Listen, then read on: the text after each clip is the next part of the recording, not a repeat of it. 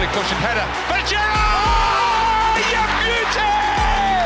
Parte il tiro di Tevez, la palla in rete, la Juventus è in vantaggio, al numero 19 del secondo tempo con Carlos Tevez. Noch eine schöne Eckenvariante. Özil! Tor! Ancora Messi, ancora Messi, ancora Messi, ancora Messi, ancora Messi, ancora Messi, ancora Messi, ancora Messi, ancora Messi, ancora Messi, ancora Messi, gol, gol, gol, gol, gol. Yes, welkom bij een nieuwe aflevering van FC Buitenland. We doen het een klein beetje in een andere setting. Jeroen schuift iets later bij, maar voor dit moment ben ik even met Martijn. En het is weer een heerlijk weekend van voetbal geweest. En natuurlijk gaan we beginnen bij de Prem. Martijn, Ja, Quinn. zeg het eens. Hoe was jouw weekend? Mijn weekend was eh, oké. Alleen mijn weekend als Arsenal-fan was natuurlijk niet zo oké. dat snap je wel. Eh 1-1 bij Burnley. Eh, maar ja, het was het weekend van de Manchester Derby. En eh, jij hebt wel weer een lekker weekend gehad, hè? absoluut, absoluut. Voor de Hoe mensen die de voorspelling hebben gehoord. ik zei dat alleen wij City aan zouden kunnen. En het is gebleken. Ja. Ja, dan moet ik je credits geven. Ja. Ik ga ook wel weer zeggen dat ik van tevoren niet zo zelfverzekerd was als de jonge man die jullie nu in jullie oor horen. Want nu kan ik de wereld aan tot de aankomende voetbalweek. ik heb ook mijn Manchester United trainingspak aan, zoals ik wanneer ik het niet aan heb. Altijd dus. Eh, ja, wat vond je van de wedstrijd? Ik vond eh, City heel slap beginnen. Ja. Had ik niet verwacht. Eh, aan de andere kant, ja, zo'n reeks met zoveel overwinningen. Misschien dat je op een gegeven moment toch gaat denken van, nou, dit komt wel goed. Eh, ook in zo'n derby tegen United. Maar United eh, had er wel zin in. Een stuk meer zin in dan City in ieder geval. En die waren volgens mij echt van plan om die reeks van overwinningen eventjes een halt toe te roepen. Ja, ik zeg je eerlijk, als het gaat om reeksen, dan is Manchester United wel het team die het stopt. Kijk ook maar naar de Invincibles, met de Arsenal. Het team dat heeft gestopt was Manchester United. Maar even terug naar de wedstrijd. De eerste minuut. Wat doet Jesus helemaal aan de 16? Ja, geen idee. Echt weer zo'n zo'n aanvaller die gaat verdedigen. En dan krijg je dit soort, eh, krijg je dit soort dingen, hè? Ja, was toch gewoon, gewoon meer dan terecht gewoon. Ja, ik, ik zeg het niet graag, maar eh, dit keer wel, ja. Kijk, ik was wel weer zuur over het feit dat jullie eh, weer een penalty kregen. Maar deze, daar kon je niet zo heel Ja. veel van zeggen. Ja, ik wil net zeggen, deze was niet alleen meer dan terecht gewoon. Ja. Wat ik wel opvallend vond is... eh, nou ja, ik weet niet of hij echt man of the match was... maar een van de beste bij United was Luke Shaw. Ja, Luke fucking Shaw. ja. Dat is hij al weken. Oké. Hij is weken steady. Hij is gewoon... eh, hij heeft de meeste kansen gecreëerd als verdediger in de league. En volgens mij zat hij tweede in Europa. Hij heeft eigenlijk zijn goaltje meegepikt. En een goed goaltje ook. Ik heb eh mijn longen uit mijn lijf geschreeuwd. Maar hoe kan dat? Hoe kan hij ineens zo belangrijk zijn? Nou, ik zeg eerlijk, hij was super steady in het begin toen hij kwam. En iedereen weet wat het nu zijn enkel brak. Of eh, het enkel brak, zijn dubbele beenbreuk had tegen PSV toen. Ja. En toen eh, kwam hij terug, maar je zag gewoon aan alles dat hij gewoon voorzichtig was. Hij wou het gewoon niet weer. En het is natuurlijk logisch, want het is een serieuze breuk. En dan kom je terug en dan is het natuurlijk anders. Toen, eh, maar hij had geen concurrentie op de linksback. Hij had geen concurrentie. En toen ineens kwam eh, Brandon Williams op vanuit de jeugd. En toen was het ineens, oké, hij doet iets beter zijn best. En toen werd Alex Telles gehaald als vervanger. En ineens was hij eh, prime Roberto Carlos. Ik weet nog dat we aan het begin, dat wij, toen die TS kwam... Dat was een beetje aan het einde van die transfermarkt volgens mij. Ja. Dat we allemaal wel zeiden van, dat is echt een goeie om erbij te hebben. Maar die heeft het niet echt, hè? Nee, ja, nou, ik zeg je eerlijk. Als hij speelt, hij heeft wel... eh, zijn wedstrijd met assistverhouding is best wel goed. Want hij neemt altijd die corners en er komt meestal wel doelpunt uit. Maar ja, zo verdedigend en aanvallend in de Prem is, is toch wel iets anders dan in Portugal. Ja, hij is vooral aanvallend heel goed, hè? Ja, En maar verdedigend dat- ook nodig. Ja, precies. En dan is Shaw wel gewoon een stuk beter. Ik heb Ja, het idee dat hij Shaw meer aan zijn aanvalspel heeft gewerkt. Hij was altijd best wel een steady verdediger. Ja. En nu gaat hij ook gewoon naar voren, gaat hij assists geven, kansen creëren en doelpunten maken. ja. Het moet, het moet niet gekker worden. Het gek, in het begin, toen hij kwam van uh, Southampton, deed hij dat ook. Maar nu ineens, sinds Stellers neemt hij ineens corners ook. En vrije trappen. Hij heeft echt sterk als een trap gewerkt ook. Ik weet niet hoe. Maar ineens dacht ik van, hè, waarom neemt Shaw die bal? Uh, Bruno neemt het. En nu weet ik gewoon dat Shaw het gaat nemen gewoon. En ik ben er ook gewoon tevreden mee. Hij is Ja. gewoon zeer steady. En Solskjaer heeft ook wel een, eh, een goede reeks tegen, tegen Pep Guardiola. Hij is een van de weinigen volgens mij die vaker gewonnen heeft dan verloren heeft van Guardiola. Ja, absoluut. Volgens mij, dit seizoen was het... eh, de eerste wedstrijd eh, bij de Old Trafford was 0-0 gewoon saai. Volgens mij in de beker volgens mij verloren toen. En dan in Etihad gewonnen. Vorig seizoen hadden we, drie, hadden we vier wedstrijden tegen City, volgens mij. Ook met bekers hadden we drie gewonnen. Eentje verloren. Dus eh, ja, ik ga nu niet zeggen dat het de Ole Masterclass was, want dat was het gewoon niet. Want het kan zomaar zijn dat we weer de aankomende wedstrijd gewoon weer gaan stuntelen. Wat ik ook verwacht. Nee hoor. We gaan gewoon... eh, ja, laten we hopen dat Manchester United nu een beetje... Zoals je zegt, eh, de heat op kan voeren bij City. Ik denk het namelijk niet. Want ik denk niet dat City nog vier keer gaat verliezen. Ik wou zeggen, geloof je nog in een, in een kampioenschap? Nee. Nee, ik geloof wel punten, gewoon... Stellig dat we sowieso Champions League halen. En eh, ja, hopelijk ook de Europa League winnen. Nou, dat weet ik nog niet. Maar ik denk wel dat deze heel belangrijk was voor eh, een plekje in de top 4. Ja. Zeker gezien wat, wat Liverpool allemaal aan het doen is. Want daar moeten we natuurlijk nog ook even bij stilstaan. Ja, zo. Wat, eh, wat is daarom dan dan? Ja, vorige week hebben we het ook al gezegd. Geen idee. Echt geen idee. Deze week ook weer twee keer thuis gewoon met 1-0 verloren. Ja, Ja, oké. eh, Als, je, als je ziet wat ze, wat ze moeten opstellen aan, aan verdedigers, dan snap je het ergens wel. Maar dan nog moet je toch van Fulham kunnen winnen. Of in ieder geval niet verliezen. in ieder geval niet verliezen. Dit is de zesde keer dat ze thuis hebben verloren achtereenvolgend. Dit is de eerste keer ooit in de clubhistorie. Ja, dat is niet normaal. Echt niet normaal. Maar het wordt ook volgens mij gewoon een soort... Een soort, eh, hoe zeg je dat? Een soort fobie of zo. Een soort Ja. angst, weet je. Dat je denkt van, dat gaat het niet weer. En dan durf je niet te voetballen. En dan ga je er dus zelf tegen, tegen Fulham ga je eraf. Ja, maar als we dan kijken naar Fulham, die in de laatste tijden had je het echt niet verwacht. Maar onder Scott Parker zijn ze wel een beetje hun ding aan het doen.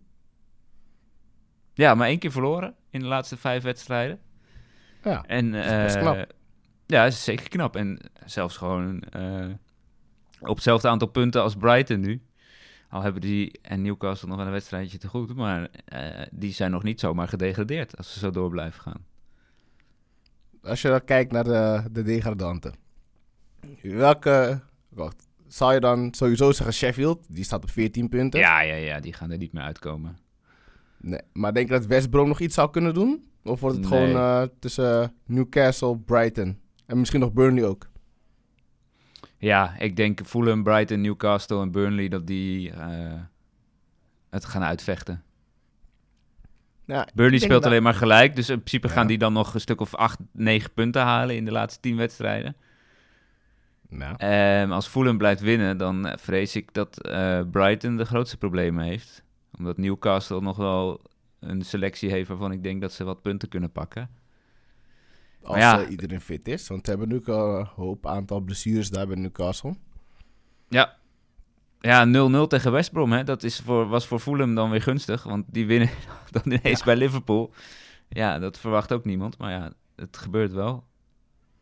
Kunnen we zeggen dat, eh dat Klopp misschien een, eh, een kleine sabbatical moet nemen? Gewoon blijven bij Liverpool, maar een kleine sabbatical? Of ligt Ja, het totaal niet aan hem? Ja, weet ik niet. Eh, Je hebt wel gewoon dat een bepaalde chemie is uitgewerkt. Maar eh, ja, ik blijf er nog steeds bij dat als je al je verdedigers mist, dat de trainer daar ook niet zo heel veel aan kan doen natuurlijk. Ja, want als we kijken naar de opstelling van Liverpool, dat is nog echt nergens op. Nee, maar dit was wel ook eh, rust geven aan een aantal mensen. Ja, En maar dan dat- heb je, als back heb je Williams, de Nico Williams. Dan heb je Phillips en dan heb je nog de andere Williams. Reese Williams en dan Robertson als de enige normale back die wij kennen. Ja, ja, ik denk dat het te maken had met het feit dat ze tegen Chelsea speelden van de week. Ja, En dat hij gewoon een beetje gerouleerd heeft. Want toen had hij wel gewoon een redelijk sterke opstelling. Had hij in ieder geval Fabinho en Kabak centraal achterin. Ja, En Robertson en Alexander Arnold op de vleugels. Ja, dan heb je gewoon eh, je normale, je normale team. En als je voorin Mane, Firmino, Salah hebt, ja. Dan heb je wel gewoon een sterk elftal. Dan mis je nog steeds Van Dijk. Maar dan moet je... eh, ja, nou moet je niet van Chelsea winnen. Maar dan had je ook gewoon van Chelsea kunnen winnen. ja, maar ik heb sowieso het gevoel dat, ja, dat het een beetje op is bij Liverpool. Nou ja, het kan, hè, dat, de, dat de chemie gewoon uitgewerkt is. Ja, of dat iedereen gewoon al door heeft wat ze gaan doen. En dat, dat ze met de ze nu missen. Waarschijnlijk ook een Henderson op het middenveld. Die ook wel echt toon aangeeft. Als je nu, wat ik wel mooi vind aan dat zonder fans nu. Is dat je echt kan horen wat die voetballers zeggen. En dan zie je ook echt die impact die Henderson heeft op het team. Hij schreeuwt ze aan. Hij zegt altijd, geeft ze altijd complimentjes. Zegt dat ze iets beter kunnen doen. En dat missen ze nu ook wel echt. Ja, denk ik ook. Ja, en we hadden het al eerder over die automatismen die dan wegvallen als je steeds, ook nu weer, als je steeds in een andere opstelling speelt, omdat je spelers rust geeft. Ja. Ik snap het wel, want ze spelen, eh, wat is het, dinsdag? Volgens mij alweer voor de Champions League tegen Leipzig. ja. Ja, ja, ik snap wel dat je moet roleren, maar ze hebben nu zoveel afwezigen nog steeds, dat je dan dus heel weinig meer overhoudt. Ja, ze spelen woensdag dan tegen Leipzig. En dan spelen ze zondag. Nee. Maandag. Ja, woensdag tegen, tegen Leipzig en dan eh, maandag. Ja, klopt. Nou, Ja, kijk, Leipzig, dat gaan ze wel redden, want die hebben ze 2-0 gewonnen de eerste wedstrijd. Alhoewel, ja, ik zeg het nu wel, maar het is thuis dus niet heel... Maar dat is dus het automatisme, dat je denkt, oh, Liverpool thuis, die winnen sowieso. Maar dat is dus niet meer zo. Dus ja, misschien dat Leipzig nog wel hele gekke plannen heeft daar. See. Hola, hola. La Liga. Het geld is weer binnen. Dus we kunnen naar de Spaanse competitie. Waar ze Ja, ook graag terug. het geld binnen zouden willen hebben. Ja, dat zou ik ook zeker willen hebben. Ehm, ik was er net even niet, want ja, eh, afspraken, afspraken, afspraken. Maar één ding is zeker, als de Premier League besproken moet worden, dan is die in de beste handen van Team Arsenal slash Team Manchester United. Ik zie nog steeds een grote smel, dus Ja, ik eh, ga ervan uit dat alles goed is gegaan net. Ja, Zeker, we, hebben niet, eh, we hebben niet gescholden op elkaar, dus dat scheelt. Kijk, ik ben blij dat ik als mediator niet hoefde te mediaten. Ehm, maar laten we dan maar gewoon gelijk doorgaan naar La Liga. En dat was wel een wedstrijdje. Atletico Madrid tegen Real Madrid. Martijn, Jaron, wat vonden we ervan? ik vond het sommige momenten een leuke wedstrijd, maar er was toch ook wel weer een groot deel van de wedstrijd dat het echt een klassieke eh, Atletico Real was, waar niet zo heel veel gebeurde. Eh, die goal was echt fenomenaal van Atletico. Zowel Ja. van eh Llorente als van Suarez. Echt fenomenaal. Sowieso Llorente is misschien wel de beste bij Atletico momenteel. Daar kan ik in meegaan, dus dat zal ik dan ook maar doen. Doe maar. En eh, ik denk dat Atletico die wedstrijd in het kwartier na rust, 20 minuten na rust, eh, op slot had moeten gooien met een tweede goal. Want je weet als je dat niet doet tegen Real, dat er altijd eh, of Ramos of Benzema eh op staat. Nou, dit keer was het Benzema, want Ramos was er niet. Nou, Dus eh, ja, dan, dan wordt het dus 1-1 en eh, is de hele titelstrijd weer open. En is met name Barcelona heel erg blij, denk ik. En als we even teruggaan naar de 1-0. eh, wat deed Nacho? Waarom maakt hij daar een tackle? Kan een, kan een van jullie dat misschien aan mij uitleggen? nou, nee. maar wat ik dan even over het doelpunt wil hebben, is Suarez. Hoe hij, go- ik zei het al eerder tegen Martijn, hoe hij, je ziet aan alles dat hij denkt van, ik ga deze buitenkantje rechts nemen. Hij draait heel zijn lichaam mee, schiet het buitenkantje rechts en dan gaat het perfect. En ik zei het ook al, die, ja, vriend, ik zei het op de via de place in de party, zeg, hey, die camera is wel echt haarscherp. Want Ja. daarna zag, ging je inzoomen op Suarez. En het was gewoon een beetje, gewoon, de achtergrond werd een beetje wazig. Kon het bijna voor een model portfoliofoto gebruiken. Gewoon, Zo- zoom, zoom, plattegrond, ach- zoom, achtergrond, alles. Ja, precies. Die was caught in 4K. Snap je? Ja, hij- die man die breekt bijna in zijn enkel, joh. Zo. Oh, maar inderdaad, eh, wat jullie allebei al aangaven, perfect afgerond. Ik denk eh, dat de analyse van Martijn ga ik heel erg ver in mee. Ik, ehm, ik zat halverwege de wedstrijd te denken van, ah ja, dit is waarom ik niet zo vaak naar Atletico Madrid kijk, maar tegelijkertijd Atletico Madrid best wel een leuk team vind ook. Het is vooral een heel fascinerend team. Ja, dankjewel. Dankjewel. uit je mond. Ja, maar echt. Zeg maar, want ik kan, ik kon mijn vinger er niet per se op leggen waarom ik wel geïnteresseerd was naar wat ik zag, maar ik niet per se heel erg leuk vond. Want ja, dit is niet heel sprankelend toch? Maar ergens, het is Nou. zo'n machine, zo'n systeem waarbij ieder poppetje een bepaalde rol eh, vervult. Ja. En dat is echt fascinerend, dus dank je wel daarvoor om, om naar te kijken. Ik vond eh, Carrasco ook wel goed spelen hoor. RT, eh, retweet voor de luisteraars. Ik vond dat hij gewoon veel te jong. Zomaar, zomaar dacht hij, hey, weet je wat, China is de wave nu. Ik ga ook even snel naar China. Dat helemaal niet nodig was. Heb je zijn bankrekening gezien? Ehm, ja, soms geeft, geeft hij me een appje met een screenshot van zijn bankrekening om je? mij jaloers te maken, weet je. Ja, snap je? Dus ergens was het ook wel nodig. Maar ik, snap, ik, hoor, ik hoor wat je zegt. Ik hoor wat je zegt. Ja, precies wat je zegt al. Iedereen heeft zijn eigen rol. Kieran Trippier was eindelijk weer terug eh, na zijn zes wedstrijden schorsing. Om een vermeende gooien maar toto op mij gate. en dat eigenlijk kreeg gelijk gewoon pap, gelijk de basis. Je zag het ook. Kijk, het enige wat ik met Atletico enigszins storend vind... is dat een van de mooiste voetballers op dit moment... eh, in Spanje niet alles speelt onder hem. En natuurlijk, eh, hij heeft nog niet alles laten zien... maar ik vind jouw verlies, vind ik echt een tovenaar. Echt een fantast, zeg maar. En in het begin van het seizoen leek hij ook echt eh, Ja. de voorkeur te krijgen. En hij speelt ook wel veel. En hij, het is denk ik zijn beste seizoen in, in tijden. Z- In Zeker na, profvoetbal gewoon. Hij zit niet zo heel lang. ja, precies. Maar natuurlijk, sinds hij voor, die, voor dat bedrag, belachelijke bedrag gehaald is, liet hij voor het eerst een beetje zijn waarde zien. En ook op belangrijke momenten. En ja, dan kiest hij toch weer voor Angel Correa. En ik snap het wel, want dat is een hele taakbewuste speler die heel erg past in het systeem Ja. van Simeone. Alleen ik als voetballiefhebber wil verlies zien. Nou, de...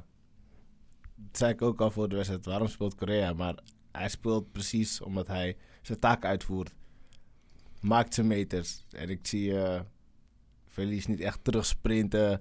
Het, een sliding maken van achter die bal veroveren naar voren weer rennen. Hij moet ook echt hebben van als ze aanvallend spelen. Als ze bijvoorbeeld tegen een, eh een Cadiz zouden spelen. Dat hij dan wel wat meer tot zijn recht komt dan tegen Real. Want tegen Real weet je, je moet gewoon gaan verdedigen. Je moet gewoon alles op alles geven. En ze hadden het wel sowieso dood moeten gooien, wat Martijn al zei. Dat ze 2-0 moeten maken en dan gewoon klaar, slot. En dat lukte helaas niet. Waardoor het toch nog steeds wel een beetje spannend blijft. Bovenin, Op basis van de laatste 10 minuten had Real hem ook gewoon kunnen winnen. zeker. Martijn, wat vind jij van de verliesgate? Verliesgate. Nou, nou. eh, ik vind het geen verliesgate, sowieso. Ik We hoorde... moeten dit soort dingen aanstippen, want dan kunnen we het vermarkten. Dat wij, wij moeten ook gewoon clickbait maken. We moeten met 2021 mee. Sorry. Ja, dan moet je niet bij mij zijn. Sorry. nee, het, ik snap het wel. Het is ook helemaal niet zo raar. Want als je een beetje logisch nadenkt over waar jouw Felix het beste in is, is het in de kleine ruimte. En eh, dat is niet een wedstrijd die je gaat spelen tegen Real Madrid. Dat is een wedstrijd die je gaat spelen als je tegen Cadiz, eh, nou ja, dat soort ploegen speelt als Atletico zijnde, waarin je wel eh, zelf openingen moet vinden. Tegen Real wil je lopende mensen hebben. Nou, dan heb je Suarez, die is niet meer de snelste, maar hij is wel een meester in eh, loopacties. Dat zag je al bij die goal, waar hij precies lang genoeg wacht om niet buiten spel te staan. Eens. Jorente is een loopwonder. Misschien wel het grootste loopwonder op de Europese velden. Hij is zo snel, hè? En een is ook iemand die altijd de ruimte ingaat. En João Felix kan ook wel in de ruimte spelen, maar hij is niet zo snel. Hij is veel dingen, maar hij is niet snel. Ja, dat klopt wel. Nee. En... Dat je dan weer met die nuance komt. ja, maar dan snap ik dus wel dat je tegen Real niet voor João Felix kiest. Dat, eh, ja, nou, ik hoor dan ar- dingen als eh, eh, eh, eh, Simeone mag hem niet en eh, is helemaal niet zo'n fan van hem. Maar dat is, volgens mij is dat helemaal niet zo. Simeone kiest gewoon de spelers Nee. voor de wedstrijd uit, de spelers voor de tactiek van de wedstrijd. Ik moet ook zeggen dat narratief begon op een gegeven moment een beetje te leven, ook op Twitter. En toen dacht ik van, huh, maar dat valt toch best wel mee, want hij heeft dit seizoen heel vaak gestart en ook in heel, best wel belangrijke wedstrijden gestart. En ook laten zien dat hij van waarde kan zijn. Ehm, dus ik, ik volgde dat, dat hele verhaal volgde ik ook niet helemaal. Maar ik denk, eh, ik denk hetgeen wat jij zegt is denk ik een perfecte analyse waarom verlies er eh, tegen Real Madrid naast stond. Ehm, ja, je zei het, jullie zeiden het net eigenlijk allebei al. Het is weer spannend. Ehm, in hoeverre is het spannend? En wie is de, op dit moment de grootste uitdager van Atletico Madrid, Quinn? Ja, ik denk de uitdager is nog steeds wel... eh, ja, ik zou zeggen Real. Barca doet ook wel netjes, maar... Ik weet, het is iets met Real dat ze dan toch weer gewoon... Dat kut einde hebben, dat ze gewoon alles winnen... En dat Atletico een slip-up maakt en dan is het gewoon zo. Maar laten we het gewoon hopen. Wat ik gewoon nog steeds hoop is dat Atletico gewoon kampioen wordt. Zodat Suarez een perfecte revenge kan krijgen tegen Barça. Want ik denk dat Barça het, dat het nu wel leuk doet, het niet gaat halen. Martijn? Eh Barça is de grootste uitdager. Ik denk nog steeds dat Atletico het wel gaat redden. Maar eh Barça gaat uit de Champions League komende week. Atletico gaat uit de Champions League komende week. Real niet. En die hebben toch al best wel veel blessures. Dus die gaan problemen krijgen met, eh, met de fitheid en met eh, het vele aantal wedstrijden in korte tijd. Dus ik denk dat Atletico het gaat halen en dat Barça nog redelijk bij kan blijven. Je hebt natuurlijk ook al over een paar weken Real Barcelona. Ja. Dus dan zou Atletico in de tussentijd goede zaken kunnen doen. Maar ze hebben allemaal best wel een pittig programma. Ook Barça krijgt nu best wel heftige tegenstanders. Mhm. Nou ja, heftige tegenstanders. Ze moeten uit bij Sociedad. ehm, uit bij Real. Atletico moet uit bij Sevilla en uit bij... eh, wat was die andere ook alweer? Eh even zoeken, even zoeken, even zoeken. Bilbao hebben ze nog uit. Dus ja... Ja, het zou ook zomaar Real kunnen zijn eigenlijk, als ik er nu over nadenk. Als Real gewoon de Classico wint van Barcelona... Wat, wat ook geen wonder is, dan staat Real waarschijnlijk er ook gewoon weer naast. Het, eh, eh, ik snap letterlijk allebei jullie sentiment. In de zin van, eh, al had je het vij- vijf weken geleden aan mij gevraagd, had ik gezegd Real Madrid. Maar sinds eh, Moriba er een beetje in is gekomen, sinds die een beetje baasspeler is geworden eh, en Barcelona net wat anders staat, of het laatst ook een keer in een eh, 3-5-2 eh, speelde, ja. Ehm, zie ik wat meer vastigheid in Barcelona. En heb ik zoiets van, nou, het kan zomaar een keer een beetje gek gaan lopen. Ze, ze, ze komen ook... ze, ze weten wedstrijden om te buigen. Dat is ook al lang geleden. Vaak verzaakten ze, zeg maar, als ze dan 1-0 achterkwamen, dan was het, werd het ook puntverlies. Het is ehm zowaar spannend in de La Liga. En nou, dat hadden we denk ik eh 7, 8 wedstrijden geleden niet kunnen bedenken. Daar ben ik eigenlijk wel blij om. Ja, het is ook het is echt in elke competitie bijna omgeslagen. Hè? Ja, zie je maar weer hoe snel dat kan gaan. Ik weet, moeten we het nog over de presidentsverkiezingen hebben bij Barça? nou ja, eh, we nemen FC Buitenland op. En ik heb één ding voorgenomen toen ik eh, hier aan deze podcast begon. En dat is niet iedere week over Barcelona praten. Nou, Mhm. dat is mislukt. dus laten we dat er maar ook gewoon volledig omarmen. Maar wat is, dat, en- wat is dat ook voor voornemen? Ja, ehm, je, naar voornemen. Maar ja, eh, dat is ook Jeroen. ja, Is precies. die eh, Laporta al officieel of nog, nog niet? Ja. Dat is Ja? wel overtuigend ook. Met iets meer dan 50% van de stemmen. Ik, zag een foto op Twitter dat Messi met iemand aan het chillen was op een boot. Was dat Laporte? Die foto heb ik niet gezien, dus dat kan ik niet zeggen of dat Laporta was. Maar dat denk ik niet dat het een recente foto was. Ja, ik, Nee. ik moet zeggen dat ik, dat ik hem weer helemaal out of context had gehaald. Dus maar goed dat ik het nu op, eh, opbreng in de podcast. zonder enige, zonder Klasse. enige verdere kennis ervan. Maar eh, ben je er blij mee? Denk je dat het een goede keuze is voor Barcelona? Ja, ik denk dat dat de enige logische keuze was. Eh, het is meer een sentimentele keuze, denk ik, door alle, alle Barça-fans, alle socio's. Omdat hij natuurlijk degene was die toen al die successen, al die prijzen werden gewonnen. De voorzitter was. Hij is heel goed met Messi. Hij is volgens mij ook behoorlijk goed met de, met de bankjes. Wat ook vrij belangrijk is, nu ze moeten gaan onderhandelen over hoe ze die schulden mogen afbetalen en zo. Mhm. Dus eh, ik vind het geen hele verrassende keuze. Het was ook wel een beetje de verwachting volgens mij. Ja, precies. Maar het wordt een pittige klus. En voor Koeman is het ook gunstig nieuws. Want eh, die gaat eh, Koeman in ieder geval niet voor het einde van het seizoen eruit knikkeren. Het was heel erg... eh Cruyff-vibe was heel erg aanwezig bij de toespraak. De, de overwinningsspeech van Laporta. En hij gaat waarschijnlijk ook Jordi halen als technisch directeur. Waarschijnlijk deze week al. Kijk eens aan. Dus, Denk je dat eh, dat ook gevolgen gaat hebben voor bijvoorbeeld de Memphis Depay? Oh, oh, dat weet ik niet. Dat weet ik echt niet. Dat, nee, dat zal moeten blijken. Ik denk dat dat vooral afhangt van eh, hoeveel geld Barcelona te besteden heeft komende zomer. Ik denk dat ze eerst eens eventjes eh, een budgetje gaan vrijmaken om ene heer Messi een nieuw contract aan te bieden. Ja. En dan, dan maar kijken wat er overblijft. Was het al rond met eh, die Garcia? Toen hoorde ze dingen erover dat hij eh, Nee. sowieso die Nee. kant op zou gaan. Barça kan niks rondmaken nu, volgens mij. En volgens mij zit het inderdaad echt heel erg in dat eh, financiële gedeelte. Want Ja. ze willen hem al een jaar hebben. Nou ja, waar we het eerst over zeiden. Afgelopen zomer was het 10 miljoen wat ze niet konden betalen. Van de winter was het 3 miljoen wat ze niet konden betalen. Ja, volgens mij kunnen ze gewoon letterlijk niks betalen. En dat maakt het eh, zo pijnlijk.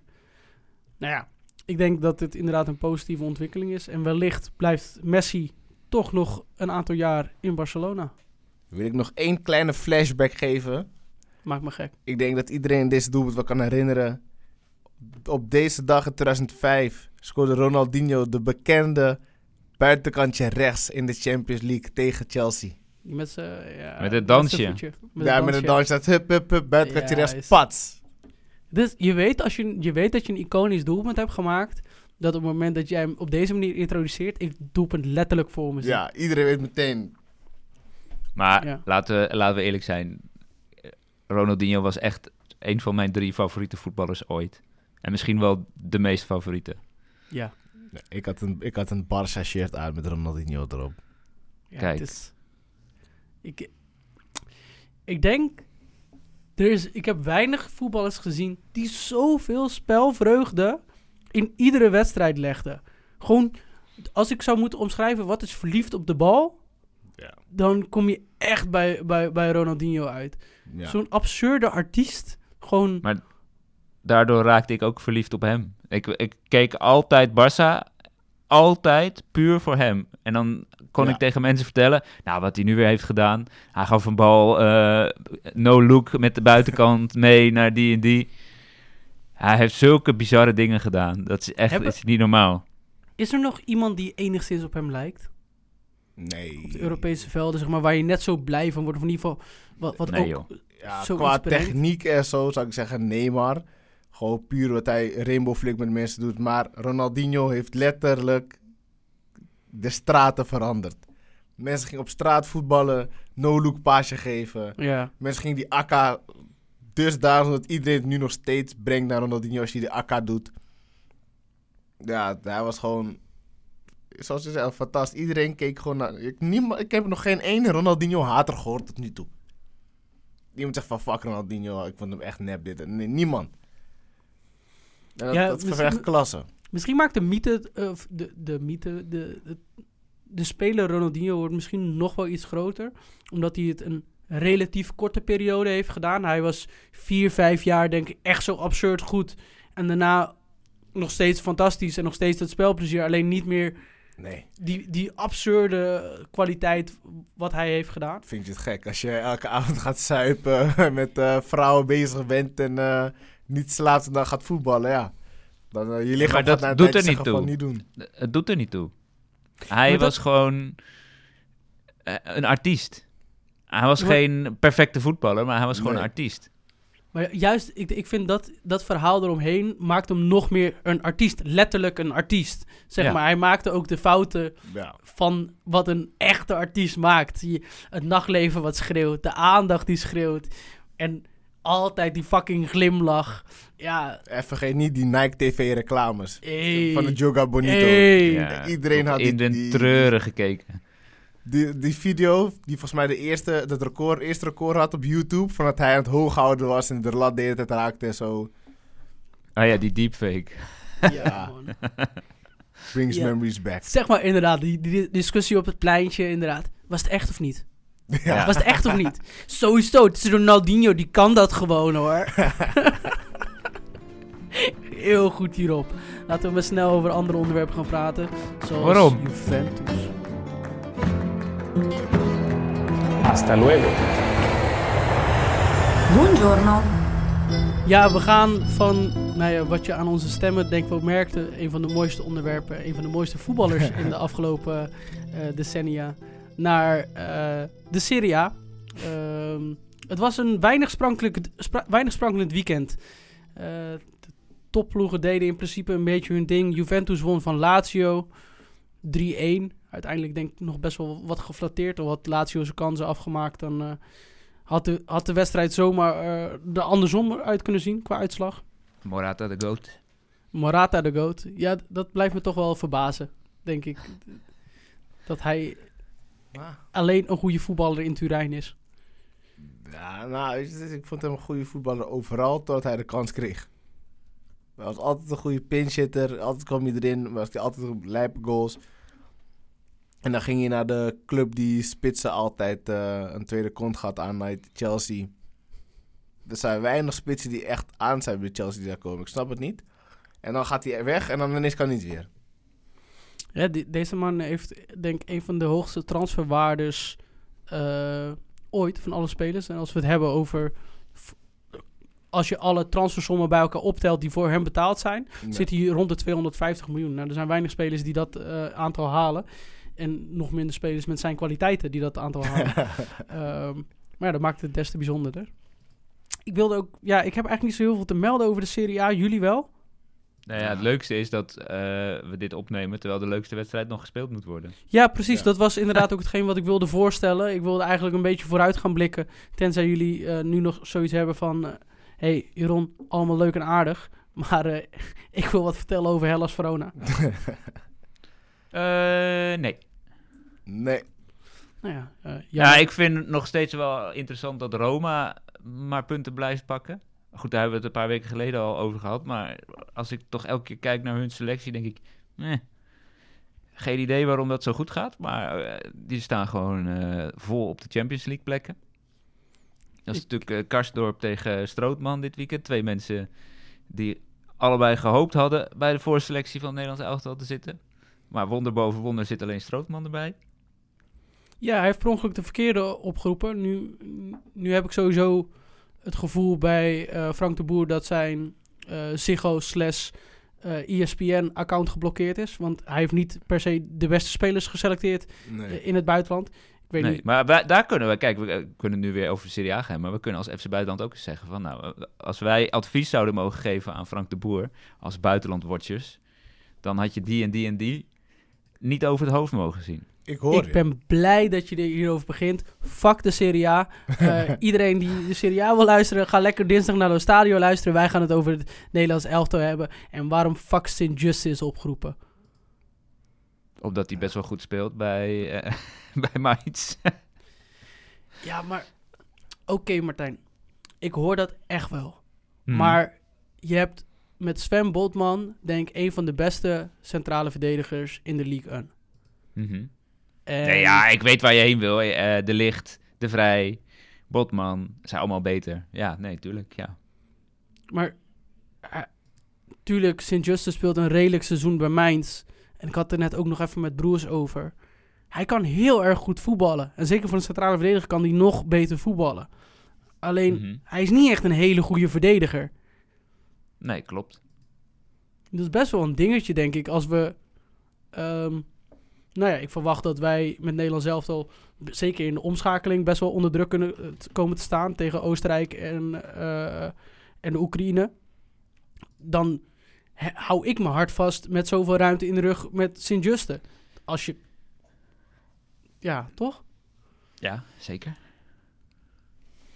Maar- Ja, iedereen. Dus eh, ik denk niet dat we heel uniek zijn in deze uitspraken.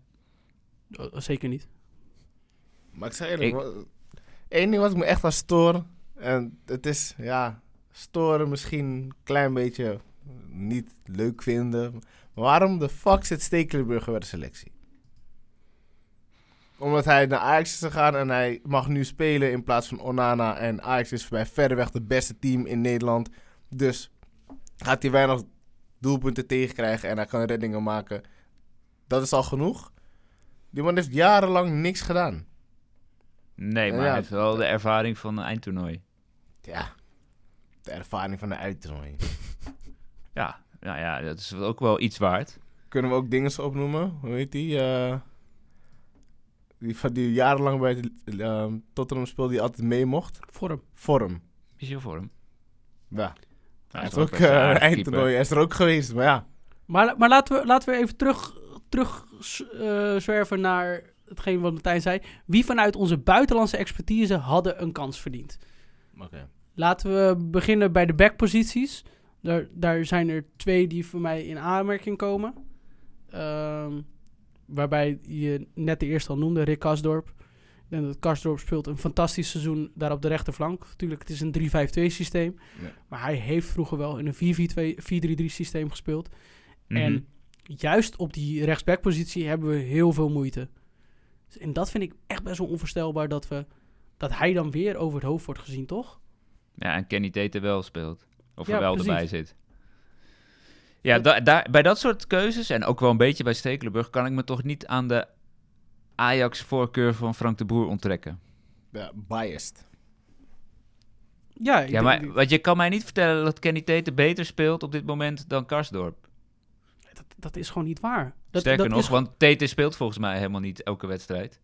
Nee, die, die, die- en die is alles behalve een belangrijke speler. Terwijl Kasdorp is echt een van de belangrijkere schakels op eh, de rechts, rechtsbackpositie. Rechter wingbackpositie moet je eigenlijk zeggen bij AS Roma. Wat je net terecht zegt, zeg maar. Die staan heel verrassend derde. En daar heeft Kasdorp een best wel grote bijdrage aan. Nou ja, eh, als je dan verder gaat kijken. Kijk, ik ben groot fan van het, eh, van het talent van Leverkusen. Die speelt dan niet alles. Maar ja, Sinkgraven? nee, de, de andere vleugel. Nou, daar noem je wel iemand. Quinn. Ja. Maar ook inderdaad. Laten we beginnen bij Sinkgraven zelf. Als we het toch over backs hebben, want die is als linksback echt ijzersterk bij Leverkusen. Weet ik niet of hij geblesseerd is nu, dat zou wel kunnen. Eh, want hij heeft wel wat problemen gehad de laatste weken. Ik ga het gelijk even checken. Kunnen jullie ondertussen zeggen dat ik gelijk heb? Jullie, je hebt in die zin gelijk dat hij niet bij de selectie zat in de laatste wedstrijd. Dus ik gok dat hij inderdaad geblesseerd Ja, is. spierblessure. Ehm, de rechtsback waar ik het over had van Leverkusen was eh Frimpong. Die voor meer dan 10 miljoen gehaald is bij Leverkusen. Ook Ehm, geblesseerd. Ja, kwam inderdaad de laatste wedstrijden eh, vaak als inval in voor Fosu Mensa. Ja. Maar Mensa is helaas uitgevallen met kruisbandblessure. Ja. En nu heeft hij een basisplaats. Kijk, dat vind ik een hele interessante speler om in de gaten te houden. Het is echt een, eh, een groot Nederlands eh, talent. Die, nou, doordat hij in, bij Celtic speelde, natuurlijk lang over het hoofd werd gezien. Al dan niet terecht of onterecht. Maar die gaat de komende weken veel minuten maken, gok ik. Want ja, de eerste rechtsback is weggevallen. Ja, dan, Ja. Is hij wel opgeroepen voor Jong Oranje? Weet je dat toevallig? Eh, ik had het net openstaan, maar toen ben ik gaan googlen. Ik zag hem uit mijn hoofd niet. Dat, even dat is best wel raar. Zal ik dan zeggen dat ik dat ook een beetje... Ja, ik ben een Manchester United fan. Maar dan kijk ik weer naar wat de boer met zijn bias zit. Dat Van de Beek is opgeroepen. Terwijl hij eigenlijk niks heeft gedaan dit seizoen. Ja, maar je kan niet Strootman wel oproepen en Tony van der Beek niet. Ja, Strootman ben ik sowieso geen fan van. Die was opgeroepen. Ja, kijk, er zijn gekke keuzes gemaakt. Ehm, er werd vandaag werd een tweet geplaatst op het FTL-kanaal. Wat een, wat, een, wat een gekke selectie. Die, eh, die opmerking kwam van mij. Want ik dat vind... dacht ik al. dat dacht ik serieus al. Want ik zag eh, Kevin Strootman zit erbij. Die heeft nu vijf leuke wedstrijden gespeeld. Tony Trindade Volhena eh, eh, speelt niet alles bij Krasnodar. En dan heb je Koopmijners, wat denk ik nou de beste zes is van de eredivisie op dit moment. Die, die voor mij eh, tussen basis en plek nummer 13, 14 zit bij het Nederlands elftal op dit moment. En die zit er geen eens bij. Ja, dat slaat gewoon nergens op. En dat is, dat is ook niet echt vol te houden, denk ik, richting alle talent. ehm, of te- tegen de spelers die wel zijn opgeroepen. Nou ja. Ja. Nee, nou ja, het enige wat je... Misschien willen ze eh Koopmijners en Boadu eh, bij de selectie van Jong Oranje houden. Omdat dat echt de dragende spelers zijn. En die gaan natuurlijk een EK beginnen. Dus daar, misschien dat daar nog een eh, reden zit.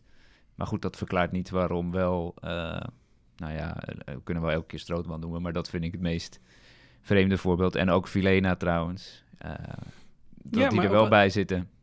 Ook als je dan naar die laatste linie gaat, waar, je, waar ik Ryan Babel zie. Ja. ehm, Luc de Jong Ja, vind ik ook nog op ook hoor, dan ga je straks zien dat Ryan Babel wel bij de definitieve selectie zit en Wout Weghorst niet.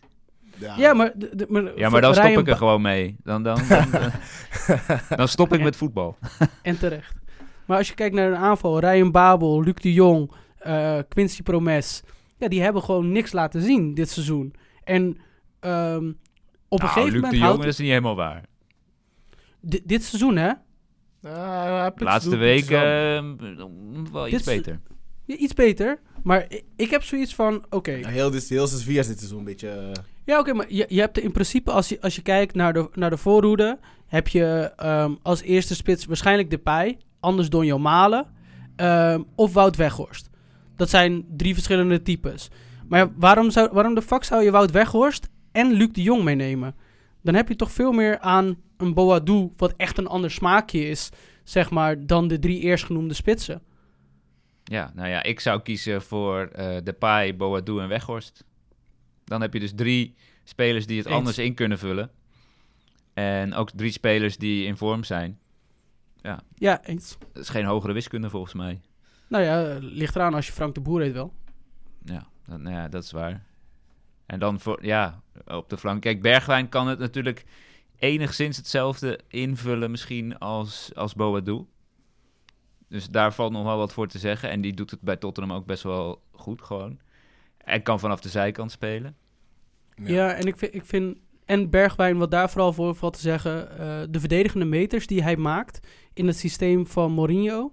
dat kan zomaar dat dat ook heel erg van, van pas gaat komen voor het Nederlands elftal... als we iets verdedigender gaan spelen en eh, een buitenspeler willen hebben... die ook die meters naar achter maakt. Ja. Ik En denk, die naar binnen komt, wa- waardoor de back meer ruimte krijgt bijvoorbeeld. Precies, precies. Jammer dat je dan Kenny Tete opnoemt en niet eh, oproept en niet Rick Karsdorp die dat systeem eh, al speelt bij AS Roma. Maar daar zeiden we net Hé, hey, ook maar over. ik Maar, zie nu dat Hatenboer zit er Ik ook wil gewoon net bij. Ik wou ja, net die volgens mij geblesseerd, Ah, oké. zeg ik uit mijn hoofd.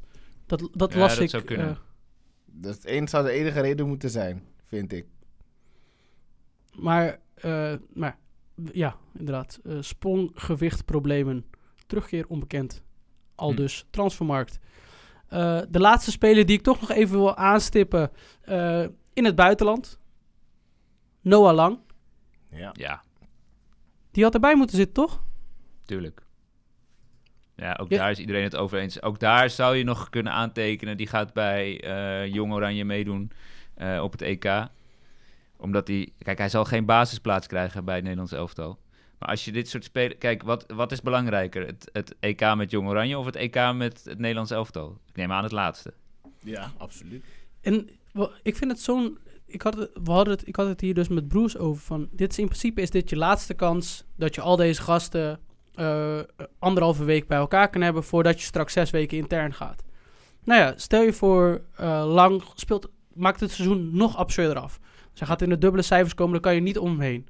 Maar misschien past hij helemaal niet in de groep. Kan hij helemaal niet wissel zitten, zeg maar. En gaat hij dan allemaal stennis schoppen. Het is toch fijn om nu alvast een beetje af te tasten van wat voor mensen je ook in de groep haalt. Waarom de fuck moeten we nu weer naar Kevin Strootman, Tony Trindade Volhena, Ryan Babel, eh, Luc de Jong gaan kijken. Je weet toch al wat dat gaat brengen. Dit is toch die laatste wedstrijd dat je nieuwe saus erin kan brengen. Ik hoor En- je. Ja, Ja, ik hoor, ik hoor. Ik hoor, ik hoor je. Ja, het is toch gewoon een beetje kijken wat andere mensen ook kunnen brengen. Want de andere smaken ken je al. Het is alsof je elke keer naar de ijskoolwinkel gaat en zegt... Hé, doe maar eh, vanille en eh, aardbei. Ja, maar eh pistache is nu gratis. hey, spang. Nou, weet je wat? Geef me nog maar vanille en aardbei. Ja, man. Ik, ja, ik, ik moet zeggen, ik, eh, ik ben... Ik ben best wel teleurgesteld over deze eh, EK-selectie. En ja, dan zal Ja. je zien dat... Heel veel Ja. mensen volgens mij. Dit is toch ook precies wat je kreeg door Frank de Boer aan te stellen. Ja, het is waar we allemaal ook wel een beetje bang voor waren. Ja, en dan... Waar, waar ik nog het bangst voor ben... is dat je per ongeluk de kwartfinale haalt... en dan op het laatste moment wordt uitgeschakeld... dat hij nog twee jaar mag proberen.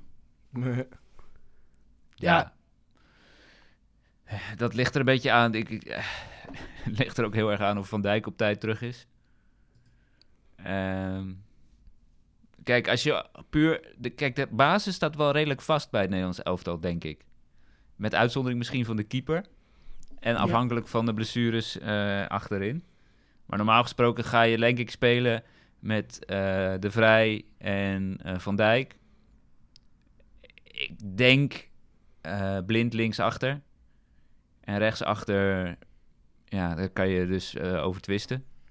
Ja, Dumfries. Dumfries, ja, denk Dumfries ook. Eh Frenkie de Jong is denk ik vrij zeker. Ja. Ronnie van der Beek zou ik altijd opstellen. Nou, dan moet je een soort van eh, controleur erbij hebben. Ik weet niet of Gravenberg daar al klaar voor is. Dat zal dan of de Roon of Strootman worden. Of Wijnaldum hij is- misschien. Hij zal, hij, zal met, hij zal spelen zoals hij de laatste wedstrijd ook speelde. Dus eh, de Roon op 6, een middenveld met Frenkie en eh Gini. Ja. Ja. Kijk, ik vind die nummer 6 positie, daar hoort eh, denk ik Koopmeiners te staan. Dat is een tempobepaler. Dat is iemand die eh, heel erg complementair is, denk ik, aan eh Frenkie de Jong. Stuk minder bewegelijk, maar wel iemand die naast hem het tempo kan bepalen. En omdat Frenkie de Jong is zo'n unieke speler, maar iedere tegenstander weet dat. Dus op het moment, dus alles gaat geprobeerd worden om eh Frenkie niet aan de bal te laten komen. Ja. Als je dan Martin de Roon daarnaast hebt, dan heb je niet iemand die ook het spel kan maken. Maar met een koopmijners heb je iemand die het spel wel kan maken. En, dat Ja. heb, dat, en, dat, en op het moment dat je daar Gravenberg neerzet of Donny van der Beek, dat zijn voetballers die wel eerst vanuit vijf meter dieper denken. Dus vanuit de nummer 8 positie of de nummer 10 positie. En dan kom je weer in de problemen in de omschakeling. Dat zag je ook wel tegen de betere teams als we met een supervoetballend middenveld gingen spelen. Met Donny van der Beek, ehm Frenkie de Jong en Gini Wijnaldum. Dat, Dan komt er net te veel druk op en ga je het helaas net niet redden. Dus je hebt daar wel een 6 nodig. Maar de 6 die in mijn optiek die rol kan vervullen op dit moment, die zit bij Jong Oranje. Omdat je zo graag naar fucking Kevin Strootman wil kijken. Strootman is niet je favoriete speler. Yo, man. Ja, Ja, bizar. Echt bizar. Oké, dan hebben we nog de laatste linie voorin. Wie zou je dan hebben? ja ik Depay. zou zo... Depay, Malen en Stenks denk ik dat ik zou opstellen. Malen vanaf links, eh Stenks vanaf rechts en Depay als valse spits. Jij, Jeroen? Ik denk dat ik daar wel heel erg in mee ga. En je moet natuurlijk Ryan Babel ook nog ergens neerzetten, dus dat maakt het lastig. De bank. Hey. Of achter de tv. Hey. Ja, sowieso denk de pij, malen moeten er sowieso in. En dan denk ik op rechts een beetje afhankelijk van wie je tegenstander is. Maar eh, dat Bergwijn of eh Stenks inderdaad. Als uh, Stenks als het begint de laatste weken iets meer in vorm te komen. Die, die zou ik wel willen zien. En ehm, ja, het is gewoon heel erg jammer. Want ik had Iataren had ik daar heel graag gezien. Maar die speelt gewoon niet een goed seizoen. Die heeft niet het vertrouwen. Maar ik denk dat dat een smaakje is die die andere twee spelers beter maakt. En door het wegvallen van, door slash vorm van Iataren, denk ik dat eh, Lang daar een goede toevoeging aan kan zijn. Omdat hij wel echt wat anders is dan, dan Malen en Depay. eens. Jij, eh, Martijn? Ik ben even hier eh, de huisdieren Ja, aan het verwijderen. Ma- Martijn, Martijn is bezig met Poesie. ja, klopt, altijd. Ehm, wat was je vraag? Hoe ziet jouw voorhoede eruit? Dat had hij al gezegd. Of dat, hoe ziet jouw voorhoede eruit, Quinn? Oh, mij. Ja, ik zeg eerlijk, ik ga voor de anders maken. Ik wil... eh Quinn Promes wil ik erin hebben. En dan samen met eh De Pai en met Bergwijn. Dat is gewoon super vast daar gewoon. En eh Ook na dit seizoen? met eh Promes? Ja. Nou, ik zag laatst weer een doelpunt van hem bij Moskou. Dus eh, hij kan scoren en het snelheid, het, het is, het, de kwaliteit is er. En wat je daar buiten kan kijken, ja, dan moet je dan daarna willen kijken of daar niet naar willen kijken. Maar ik denk dat met die, dat heb je, wat we zeiden voor Bergwijn, dat hij ook gewoon verdedigend zijn meters maakt. En dan heb je die voorin twee smaakmakers met Depay en Promes. Zo zou ik het doen. Kijk, als ik, hoe ik, het, ik zou niet 4-3-3 gaan spelen. Ik zou met drie centrale verdedigers gaan spelen. Met ehm, afhankelijk of Virgil fit is. Maar even vanuit gaan dat hij fit is. Met Blind, eh, Virgil en De Vrij. Linker wingback Wijndal. Rechter wingback Kasdorp. eh, middenveld eh Frankie, Frankie en Genie. En Koopmeiners daarachter. Nou, Dan zitten we op acht spelers. Nee, Dan er ligt op- gewoon bankie. Oh nee, er ligt, er ligt voor, de, er Voor ligt voor blind. Er ligt voor blind.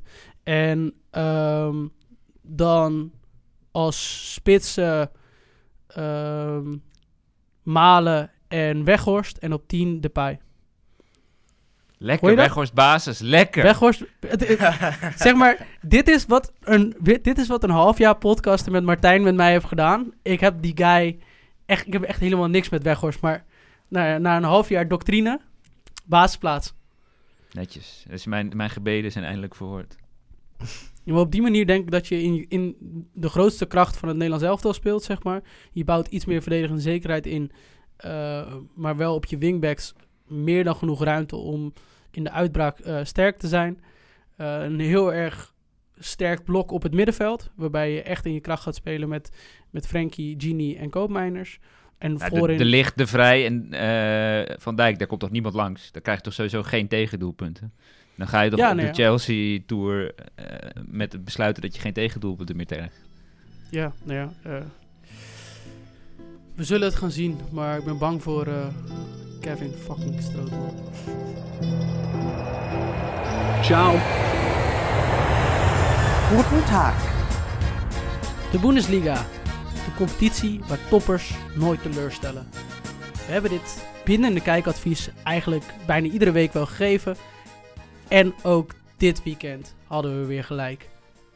Martino, neem me Ja. mee. Ja, eh Schalke tegen Mainz. Klopt. 0-0 had ik vrijdag. Ja. Zondag had ik Arminia Bielefeld tegen Union Berlin. 0-0. En jij zei in de vorige week in de podcast nog... Ik weet niet wat het is. Deze, ik weet niet wat het is dit jaar. Overal waar ik verslag doe, regent het goals. Ja, karma, bitch. Ja, nee, dat, was eh, even jammer. Maar ja, het ging natuurlijk om, eh, om de topper. Om Bayern tegen Dortmund. Waarvan je na 20 minuten dacht... Zo, dat kan nog wel eens eh, een leuk seizoen worden hier. Maar daar dacht eh, meneer Lewandowski anders over. Ik moet zeggen dat zelfs toen het 0-2 stond... Het stond eigenlijk te snel 0-2. Ja. Want dan heeft Bayern veel te veel tijd om wakker te worden... en te bedenken van... Oh ja, wacht, we moeten voetballen. En dat deden ze dus ook. Ze kregen rond de 32e minuut kregen ze een hele grote kans op de 0-3. Eh, Dortmund. Ja, Hadden ze die gemaakt, Ja. Was dat dan was, dan was het, nog eh, 3-3 geworden. 100%, maar toch puntverlies. Ja, precies. Ja, Nee, wat- ik, vond, het- ik, vond het, ik betrapte erop dat ik het jammer vond. Dat eh, Bayern toch weer terugkwam en won. Omdat ik gewoon wil dat Bayern een keer geen kampioen wordt.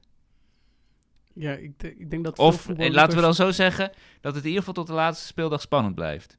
Ja, Ja. Dat zou voor de Bundesliga al heel wat zijn. Waar ik eh, mezelf zeg maar van eh, op betrapte, was dat ik Sané echt een gruwelijke speler vind. Als hij een schijntrap kap sleep doet, dan ik zou er niet tegenover willen staan. Want ik breek heel mijn lies en enkel, omdat ik gewoon zwaar in die kap geloof. Hij heeft het zo vaak gedaan. En het lukt hem nog steeds, elke keer. Ik, eh, hij doet me een beetje denken aan een FIFA-speler. Hij, hij loopt op het veld alsof je een FIFA-mannetje bestuurt. Ja. Zeg maar, hij, doet, hij, hij dribbelt op dezelfde makkelijke manier. De schijnbewegingen, kapbewegingen. Zijn eerste meters op die versnelling na die kap. En dan heb je aan de andere kant Koman, die precies hetzelfde kan. Ook niet leuk als back zijnde. En dan gaat Koman eruit. En dan komt, eh hoe heet hij erin? Gnabry erin. Gnabry. Die kan dat ook. Dus de commentaar zei ook, het is niet alsof ze achteruit gaan als ze wissels doen. En dan heb je aan de andere kant dat Royce en Haaland eruit gingen. En vanaf dat moment dacht ik, oké, is goed. Kan tv uitdoen. eh, dit wordt gewoon eh Bayern. Ja, man. Vond jij het een eh, terechte overwinning, Martijn? Ja, ik denk het wel. Ik vond Dortmund deed echt helemaal niks meer in de tweede helft. Zeker Ja. niet nadat Haaland uitviel. Dat was natuurlijk ook wel echt dikke vette pech. Eh Sancho er al niet bij, helpt ook niet mee. Zo. Ehm, ik hoorde Royce na afloop heel erg huilen over die derde goal van Bayern, waar een overtreding zou zijn gemaakt op Emre Can. Nou ja, vond ik geen overtreding. Geen duidelijke overtreding. Nee, man. was gewoon een duel. Hij, Dus je hij- ziet hij al- wachtte gewoon te lang. Ja, precies. En je ziet gewoon dat er dan weer zoveel frustratie bij Dortmund in zit, dat het niet lukt. Dat ze dan maar weer op dat soort dingen gaan gooien. Ja, Dortmund gaat het echt nog lastig krijgen om überhaupt Champions League voetbal te halen. Ja. Ik vond het echt wel echt, echt heel jammer dat de Haaland eruit ging. Maar hij zei ook na een tijd van ja, ik scoor twee keer. En dan eh scoor, scoor die andere drie keer. En ik, vind, ik zie dat Haaland wel een beetje competitie drijft. Met die andere spelers die het ook zo goed doen. Dat hij ook in de Champions League met Mbappé. Dat hij zegt van, hoe, zo- hoe waar komt die motivatie van? Ja, hij scoort eh, drie keer, sco- dan scoor ik ook twee keer. En dat vind ik wel leuk. En hij heeft volgens mij 142 wedstrijden had hij nodig om 100 doelpunten te maken. En dat staat hij ver bovenaan voorbij Messi, Ronaldo Mbappé. Voor hun dat doelpunt aan bereikt. Dus toen hij eruit ging, dacht ik ook wel van ja, is het wel leuk om dit te blijven kijken gewoon. Zo erg geniet ik van Haaland als hij speelt. En dan liet het ook gelijk zien gewoon. Ja, 100% waar. Ik denk, eh, daar, valt, daar valt weinig tegen in te brengen. Dat hebben we wel eens veel vaker dit, dit seizoen gezegd. Dortmund is te afhankelijk van eh, Holland. En dat bleek afgelopen, afgelopen zomer, of afgelopen wedstrijd weer. Ehm, ik kreeg ook weer een berichtje toegestuurd. Eh, dat ging Jij over... krijgt veel berichtjes toegestuurd, hè? Je, och, je zou mijn DM's eens moeten zien. Nice. Heet. Albert Braut Chaland is Erling Haaland's cousin. He only turned 70 years old three weeks ago. And yet he already scored 64 goals in 37 matches for Molde's youth team. That's an average of 1.72 goal per game. Dus eh, het zit in de familie.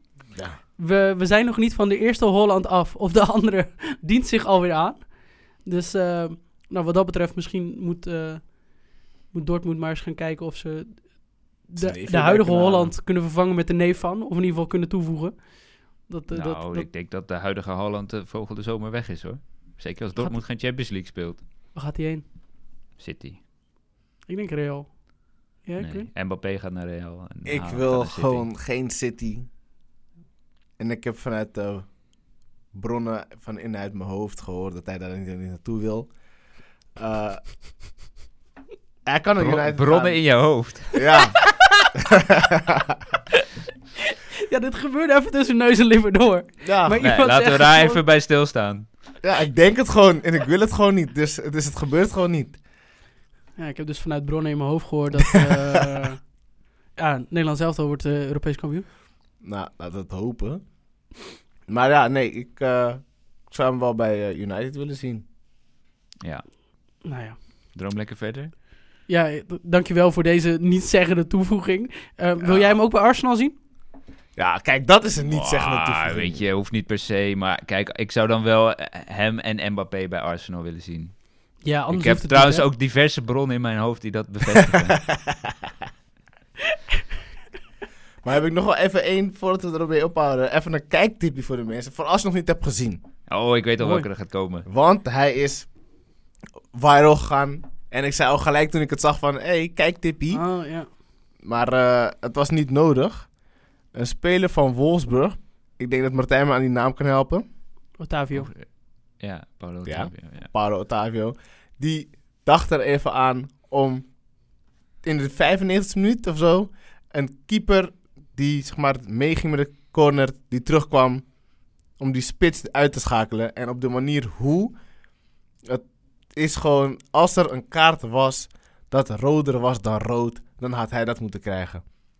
Kijk die wedstrijd in. Type eh, Otavio red card versus... eh Hoffenheim? Wolfsburg. Of Ja, hij tegen, speelt eh, wel. ja, ja, Ja, tegen Hoffenheim, ja. tegen Hoffenheim. En dan zie je de meest belachelijke rode kaart van dit seizoen. Ja, in de zin van, hij had nog roder gemoeten. Ja. Ja, dat was echt niet normaal. dat was echt niet normaal. Ik mag ook hopen dat hij een wedstrijdje of 6, 7 schorsing krijgt. Ja, het ging echt helemaal... Maar hij trapte hem niet nasty. Nou, ja, maar hij had geluk dat hij hem niet nasty trapte. hij vloog met twee Ja, hij, hij, hij, hij had gewoon echt geluk dat hij hem zo raakte zoals hij hem raakte. Want hij, hij deed letterlijk de schaar. Ja. Dus dat die gast helemaal van de grond af was. Ja. En daardoor viel die, werd hij gewoon hard getackeld, maar niet grof, zeg maar. ja. hij stond ook gelijk op. want- Kijk weer even terug. dat is niet normaal. Het is echt, het is echt niet normaal. Het is echt...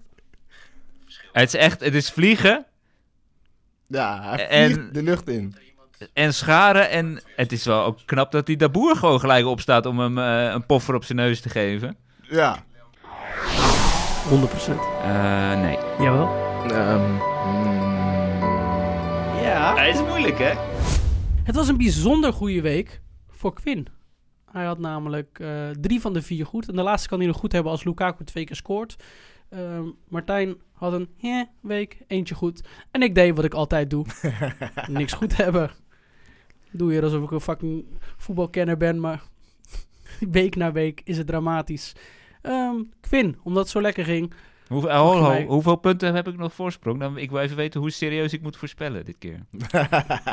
Ik, eh 1, 2, 3, 4, 5, 6. 1, 2, 3, 4. Jij staat op 34 en Quinn staat op 1, 2, 3, 4, 5, 6. 33! Nee, joh.